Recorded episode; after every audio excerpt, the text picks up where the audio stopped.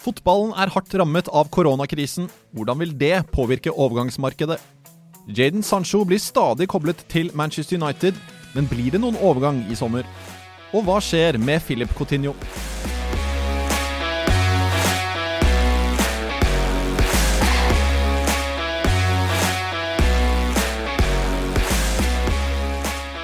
Jeg heter Simen Lønning, og i studio i dag sitter Jonas Giæver og Adrian Rikvoldsen. Velkommen tilbake, må vi nesten si. Det har vært eh, Er det tre måneder vi har vært Det har vært en koronapause for Silly Season-podkast nå. Det, det er i hvert fall altfor lenge siden. Det kan vi vel enes alle sammen om. Mm. Ja. Men uh, nå uh, legger vi det bak oss, uh, la være bak oss, så ser vi heller framover. Fryktelig kjedelige måneder, da. Det er trist.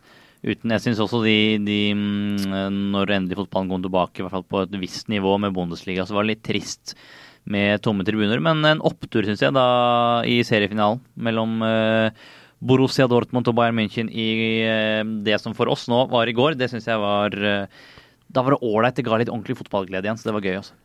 Altså, jeg tror ikke noen betviler at det er gøy at fotballen er tilbake igjen på et visst nivå, i hvert fall. Men det man betviler jo, er hvor gøy det egentlig er å se fotball uten supportere. Du får litt den der La Manga før sesongen-følelsen som man får i Norge. Og, og, selv om fotballen er på et skyhøyt nivå, så liksom å høre trenerne på sidelinja og høre spillerne kjefte på hverandre, det gir liksom en annen dynamikk som jeg synes er litt ekkel, ja. Um, jeg, skulle, jeg tror man kjenner nå på hvor viktig supportere faktisk er for fotballen og for rammene rundt en ordentlig storkamp som Borussia Dortmund mot uh, Bayern München, og slik man også så mellom Schalke og, og Dortmund nå. Så vi får håpe at dette er over snart, slik at folk kan komme tilbake på tribunene. Det er jo veldig mye usikkerhet knyttet til denne situasjonen. Mm. Og det gjør at det også er veldig mye usikkerhet knyttet til det vi ofte snakker om, og det er jo overgangsvinduet. Mm. Så spørsmålet i dag uh, som vi skal snakke om, det er jo da hva skjer med overgangsvinduet? Hvordan vil det kommende overgangsvindu bli? Uh, Jonas, hvordan tror du det vil se ut i sommer? Nei, all, Først og fremst da, så har jeg, slik vi gjerne gjør i det yrket vi bedriver, så snakker vi med folk uh, ofte. Og jeg har snakket med to relativt kjente agenter, jeg trenger ikke å navngi dem, men de har i hvert fall begge to sagt at de har ikke fått noen beskjed om at overgangsvinduet endrer seg. Uh, det er ikke noe som på en måte har blitt sendt ut, eller noe som Fifa informerte om. Så man forholder seg til at overgangsvinduet skal starte 1.6 og avsluttes 31.8. Uh, selvfølgelig med noen endringer her og der basert på de ulike landene. Så det er det man anser at kommer til å skje. Så selv om man leser om at Fifa vurderer å flytte hele overgangsvinduet til slutten av uh, august til starten av februar osv., så, videre, så virker det som man anser det som business as usual angående eh, tidssone. Uh, men det som er spørsmålet, er jo hvor mye, penger som kommer til å være i omløp denne sommeren her. Jeg tror at det er veldig mange klubber som kommer til å kjenne på det at uh, 222 millioner euros overganger for Neymar osv., det, det er nok, uh, hører nok fortiden til. Um, men jeg, blir, jeg, er veldig interessert i å se om de virkelige storkanonene, de klubbene som man kjenner for å ha en god økonomi, Manchester United, Real Madrid, Bayern München, uh, kommer til å virkelig flekse musklene sine. For det er jo klubber som etter alt å dømme fortsatt har en relativt god økonomi, i hvert fall ifølge disse Deloitte-rapportene osv. Så, videre. så det blir um, det blir spennende, men jeg tror vi kommer til å få et overgangsvindu som preges veldig mye av byttehandler. Typ sånn NBA, NFL-greier, der du spillerne byttes mer enn de kjøpes og selges. Så det blir eh, Jeg tror vi får et veldig, veldig, veldig annerledes overgangsvindu. Men Adrian, det bør kanskje være noen muligheter til å gjøre noen virkelig gode kjøp her, hvis man har kapital? da? Ja, hvis man har kapital. Jeg følger litt det Jonas sier. Jeg tror det, det, det sitter lenger inne for klubber nå å bare dunke 100 millioner på bordet etter at uh, koronakrisen har truffet samtlige klubber forholdsvis hardt. Men nok, eh, vi vil nok i større grad kunne se klubber kvitte seg med to-tre spillere fordi de må for å ha råd til kanskje én eller to nye spillere, fremfor å bare ha mye penger på bok, tror jeg kanskje er mer eh, sannsynlig. Vi har jo sett uh, rapporter om at klubber som Tottenham og, og, Arsenal skal slite med å hente noe som helst i sommer, med mindre de kvitter seg med både store lønnsposter og og store stjerner, mens eh, f.eks. Manchester City, hvis de kvitter seg med Leroy Sané, da, som koblet, har vært koblet til Bayern München, så kan det fort frigjøre mye. Så jeg tror også det blir litt sånn at det, det blir um, Du må gå opp i spinninga at man må kvitte seg med noen for å kunne hente noen i enda større grad uh, i dette unntakstilstandvinduet i sommer enn, enn det vi er vant til å se. Så det, det blir, tror jeg kan bli en litt uvant situasjon. Mm. Jeg tror også at uh, en gang i tiden så snakket man jo om 20 millioner pund, at det var liksom en sånn man la seg på det som en sånn OK sum for en middels spiller. Uh, og Det har jo gått opp til 40 millioner i visse tilfeller. Jeg tror at vi kommer til å se tilfeller nå hvor man går ned igjen. Hvor, hvor man kanskje Jeg sier dette i hermetegn at man har et sunnere overgangsvindu. At man, man, har summer som kanskje reflekterer litt mer i den grad man ønsker enn, en det har gjort tidligere. Hvor ikke engelsk, engelske spillere overprises, f.eks., som også har vært et tilfelle man har snakket mye om. og Det er ikke 100 millioner euro for som startgrop for en OK uh, spiss uh, som har hatt, kanskje hatt en god sesong i en av de topp fem-ligaene. At det er der man begynner forhandlingene. At man går kanskje ned ganske mange hakk. da. Så uh, på én måte så kan det anses som det at det er et sunnhetstegn i det at det ikke kommer til å være så mye penger og så mye gale penger i omløp. Samtidig så er det nok et setback som kommer til å uh, Det er som man sier, at uh, a setback is followed by a comeback. Og da er det vel det som kommer til å skje om et par år, at man er tilbake igjen kanskje i enda større grad også. Med at uh, de megaovergangene inntreffer. Men det er jo spillere som fortsatt selvfølgelig kobles til ekstremt store summer, og det er jo en vi skal snakke om i dag, Simen. Ja, vi kan jo egentlig begynne å snakke om det nå ryktene forsvinner jo fortsatt ikke, selv om uh, det er veldig stor usikkerhet knyttet til overgangsmarkedet. Mm. Uh, og En av de som da nevnes ofte, er jo Jaden Sancho, som kobles uh, stadig til Manchester United. mange aviser i England spekulerer at det kan bli en overgang i sommer, men tror vi det? Altså, Vi har Manchester United-direktør som allerede har gått ut og sagt at Jeg har reagert på at det skrives såpass mye spekulasjoner om overgangsmarkedet og spillekjøp osv., og, så og har også sagt at også United blir rammet av denne krisen. Og det er et interessant case, syns jeg, med Jaden Sancho, som var uh, kanskje verdens mest ettertraktede spiller før koronakrisen traff. Eh, Borussia Dortmund var helt sikkert sikker på at han kan vi selge for helt enormt mye penger. Så treffer uh, koronakrisen og klubbene rammes hardt økonomisk. Som vi nevnte i stad, kanskje klubber har mindre å rutte med. Hva, hvilken situasjon setter det da Borussia Dortmund i, som nå kanskje mm, forbud på Jaden Sancho, som er langt under det de hadde tenkt var eh, i nærheten av realistisk så sent som i februar. Skal da Borussia Dortmund tviholde på Sancho fordi de håper at markedet vil, vil oppjusteres og normalisere seg igjen, eller skal de kvitte seg med han? Det, jeg tror de sitter i en litt vanskelig situasjon mm. pga. det som har skjedd. Og så må vi også snakke litt om, om Jaden Sancho. Han var jo bankers på laget til Lucien Favre før koronakrisen. Så var det noen uker der med, med egentrening hvor helt sikkert noen har jobbet hardere enn andre. Og Jaden Sancho ser ikke ut som han har eh, Nå sitter vi og spekulerer, men av det jeg har sett av han etter eh, at korona Etter at Bundesliga startet opp igjen, så har ikke han sett særlig fitt ut. Han har jo blitt plassert på benken av Favre, som helt sikkert er en grunn til. Og da han kom inn mot Bayern München nå, det så ikke bra ut. Han så, han så nesten utrent ut, syns jeg. Han så ikke like fit ut som han gjorde før, før pausen. Så han la ikke inn noen god søknad om en, en ny arbeidsgiver og større klubb, syns jeg, etter det han har vist de siste ukene. Skal jeg være forsiktig med ikke kaste stein i glasshus, da, fordi koronaen har jo påvirket uh, meg personlig vektmessig også. Men uh, Jaden Sancho så direkte feit ut. Altså, Han ser ikke bra ut. Han ser ut som han har gått opp et hav av vekt. og ser oppblåst ut og ser tung ut og sliten ut og ser nesten ikke ut som han har lyst til å være ute på banen for Borussia Dortmund. og da stiller jeg meg spesielt ett spørsmål, og det er det hvor profesjonell er egentlig Jaden Sancho? Greit nok at han er ung, greit nok at han skal gjøre dumme ting, men han spiller eh, fotball profesjonelt. Han spiller for en av de største klubbene i verden. Han har enda større klubber i verden som titter på han med tanke på en overgang som fortsatt ryktes å gå rundt 100 millioner pund, 100 millioner euro, alt ettersom hvem du leser. Eh, og når du da behandler din egen kropp eller behandler din egen profesjonalitet på den måten han gjør, så tror jeg det eh, Da går det mye varselslamper hos de virkelig store klubbene om at er dette en type vi har lyst til å ha i laget vårt? Um, uten sammenligning for øvrig. Altså, jeg husker I Spania så hadde man store oppslag da Edin Hazad uh, kom tilbake fra uh, ferie og møtte opp uh, til sin Real Madrid-presentasjon, og han også var feit, og var ærlig om at han var feit. Um, og da, når Sancho da fortsatt egentlig har mye å bevise, kontra Edin Hazad, som var en verdensstjerne på, på høyt nivå over flere år, velger å behandle seg selv og behandle sin profesjonelle, profesjonelle stilling på den måten, så jeg kjenner at jeg er litt skuffa, jeg, skal være helt ærlig. Jeg kjenner at jeg blir litt sånn småirritert over at en spiller ikke tar, uh, tar større ansvar over uh, sin egen kropp og det som faktisk er hans virke, det å være fotballspiller. Og Jeg skjønner, jeg skjønner Lucien Favre, jeg skjønner Dortmund-ledelsen godt. Dette er ikke første gang han har vært på kamp med dem heller. Så det er kanskje på tide for dem å vurdere et salg nesten uansett. da, Og så får de håpe at de får så mye som de kan få fram, basert på det talentet han har som er udiskutabelt. Han er en av de spillerne i, i det sjiktet som jeg tror um, på sikt kan være arvtakerne etter Cristiano Ronaldo og Lionel Messi. Jeg tror ikke han kommer til å nå det nivået, for det tror jeg ingen kommer til å gjøre. Men når vi snakker om de absolutt største verdensstjernene og de som skal motta Ballon d'Or osv., så, videre, så tror jeg han kommer til å være der oppe, men da må han virkelig begynne å ta seg selv i akt.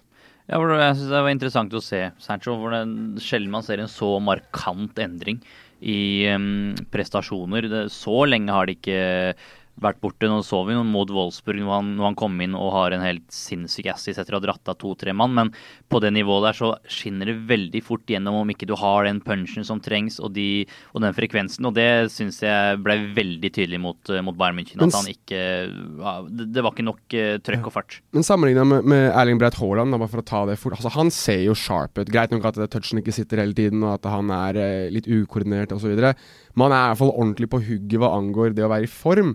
Og da Jaden Sancho, som på en måte er den spilleren han skal reflektere på hva angår de to største stjernene i Dortmund, i hvert fall de unge stjernene, så virker det som et hav av forskjell hva angår profesjonalitet og forståelse rundt det å ta vare på seg selv.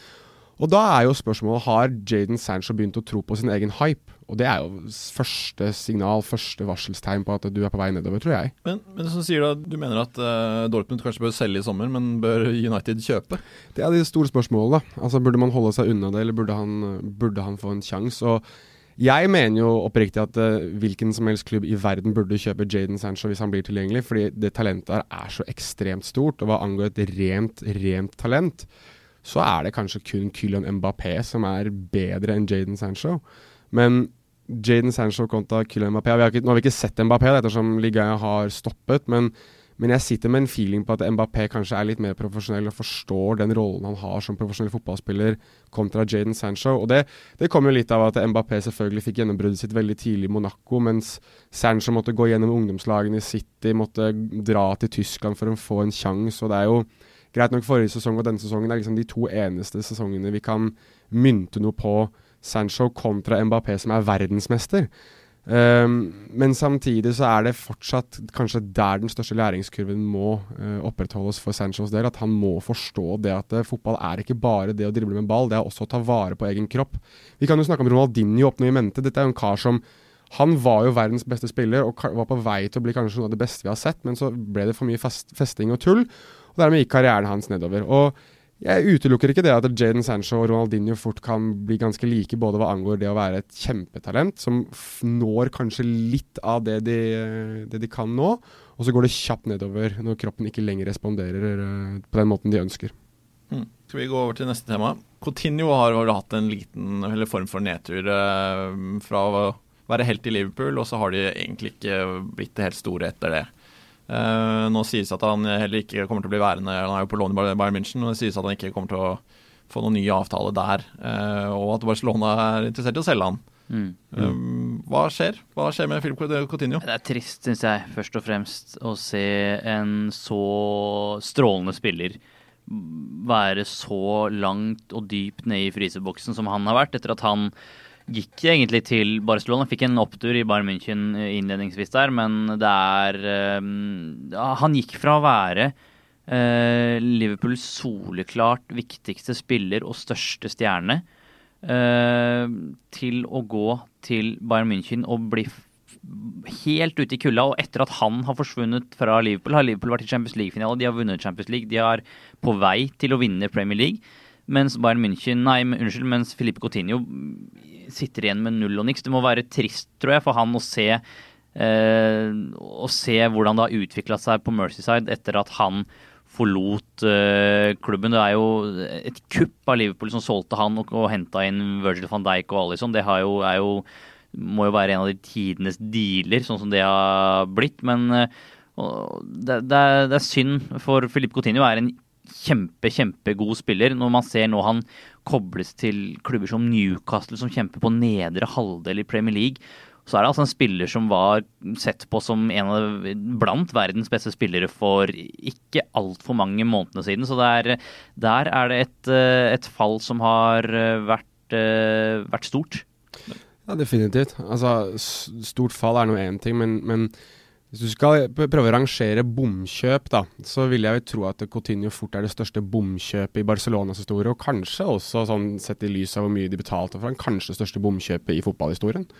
Han skulle inn da, og være Ja, men, men, han blir jo på, på veldig mange måter det, fordi at uh, han kom inn for å erstatte uh, Andres Iniesta. Han ble hentet et halvår før de egentlig skulle hente han, fordi han skulle tilpasse seg Barcelona. De pengene Barcelona benyttet seg, eller som de brukte på han, forvalter Liverpool i Alison og Virgil van Dijk. Det er to spillere som, som vinner Champions League for, for, Liverpool, og som kommer til å vinne Premier League for Liverpool. Coutinho på det halvåret gjorde egentlig ingenting annet enn å ha et og annet langskudd. Så hadde han en hel sesong der han var bånn i bøtta. Og så var han såpass dårlig i, Barce i, Barcelona at de bestemte seg for å låne han ut til Bayern München, der han heller ikke fungerte. Han var i en situasjon han, som var helt Altså så nær eufori for hans del som overhodet mulig. Altså Det var et utopia for ham å spille på Anfield. Og Så drar han til, uh, til eh, Camp Nou, der det, der det, blir litt for stort, litt for mye. Lionel Messi er kanskje litt for stor. Altså Han får ikke like mye ball som han kanskje ønsket. Neymar kom ikke tilbake som han kanskje hadde håpet på at skulle være med å hjelpe pga. forholdet mellom Coutinho og Neymar. Altså det, det, det, var en overgang som virket så innlysende og så god, men som har, har bare blitt et mareritt for ham. Og mareritt for Barcelona, og den som sitter igjen, er jo Liverpool og smiler bredt. For de har jo vunnet absolutt alt de kunne vinne på det. Og da tenker jeg, når vi ser overganger som har gått over 100 millioner euro Jeg finner ikke en dårligere enn Coutinho, altså. Og det, og det sett i lys av det at det, eh, han har ikke vært like mye skada som f.eks. Dembélé, som også kom inn samtidig. Joao Felix har ikke fungert optimalt i Atletico Madrid til tross for å ha kostet så mye, men han er såpass ung, og man forventer fortsatt at han kommer til å levere på et mye høyere nivå enn han har gjort, også grunnet skadesituasjonen hans i Atletico Madrid. Coutinho har hatt alle mulige muligheter til å, til å, bli så god som han kan bli i Barcelona, og har kastet bort enhver mulighet. Jeg snakket med Petter Wæland om dette i, i, i, satt uh, til en sak jeg skrev. så han, Sitatet hans er 'Han var en flopp, han er en flopp og blir en flopp'. Og da mener jeg det at da, da, da, må vi i hvert fall ha han oppe i diskusjonen hva angår de største bomkjøpene i fotballhistorien. Men det høres, høres ut som uh, andre klubber vil ligge langt unna Coutinho i sommer, da? Eller er det, kan Nei, ligge et mulig godt kjøp her igjen? Altså, jeg tror Kobles seg til Chelsea og Arsenal, blant annet. Jeg, jeg tror Filip Coutinho er en spiller som er litt avhengig av at han er den uh, medspillerne søker Definitivt. veldig ofte. Eh, da Coutinho var Liverpool, det var før egentlig ordentlig primetime Liverpool under Jørgen Klopp. Da Liverpool ofte stanga og stanga mot dyptliggende forsvar, så var det nesten bare Finn Coutinho, så må han ordne et eller annet. Der, I den rollen tror jeg Coutinho trives, stortrives. Eh, I, I Barcelona er han en av veldig mange kokker, og han er ikke kjøkkensjefen der borte. Eh, så jeg tror å få han til en klubb hvor han er den mannen man søker og man trenger et eller annet framover på banen, så tror jeg han kan skinne. Det er litt samme, syns jeg, som da Fernando Torres dro fra Liverpool, hvor han eh, spesielt Gerard Var det han som skulle finne, eh, bli funnet av Gerard og medspillerne? Fernando Torres helt enorm i Liverpool. Gikk til Chelsea, hvor han ble én av mange stjerner falt fullstendig gjennom. Jeg tror Filip Coutinho er litt av samme skolen. Jeg håper han finner en klubb hvor han trives før det, før blir, før det er for sent. Dette er hvorfor jeg tror uh, den Newcastle-linken altså selvfølgelig, det, det, er jo ikke en klubb du kanskje ville forbundet med Coutinho, men hvis de faktisk kjøpes opp av saudiarabiske eiere, som det ryktes om opp ned i mente, og det virker nesten klart, og de skal gå inn med masse masse penger, så er det liksom et kjøp som jeg anser som ganske vitalt da, for, for deres drift og for deres virkelige satsing. Og det ville være helt perfekt. Altså, Newcastle sultefòrer på suksess. St. James' Park har virkelig manglet en stor stjerne på lang, lang tid. Uh, de har jo en lang historikk med søramerikanske stjerner. altså Fastino Aspria og Nolberto Solano på 90-tallet f.eks.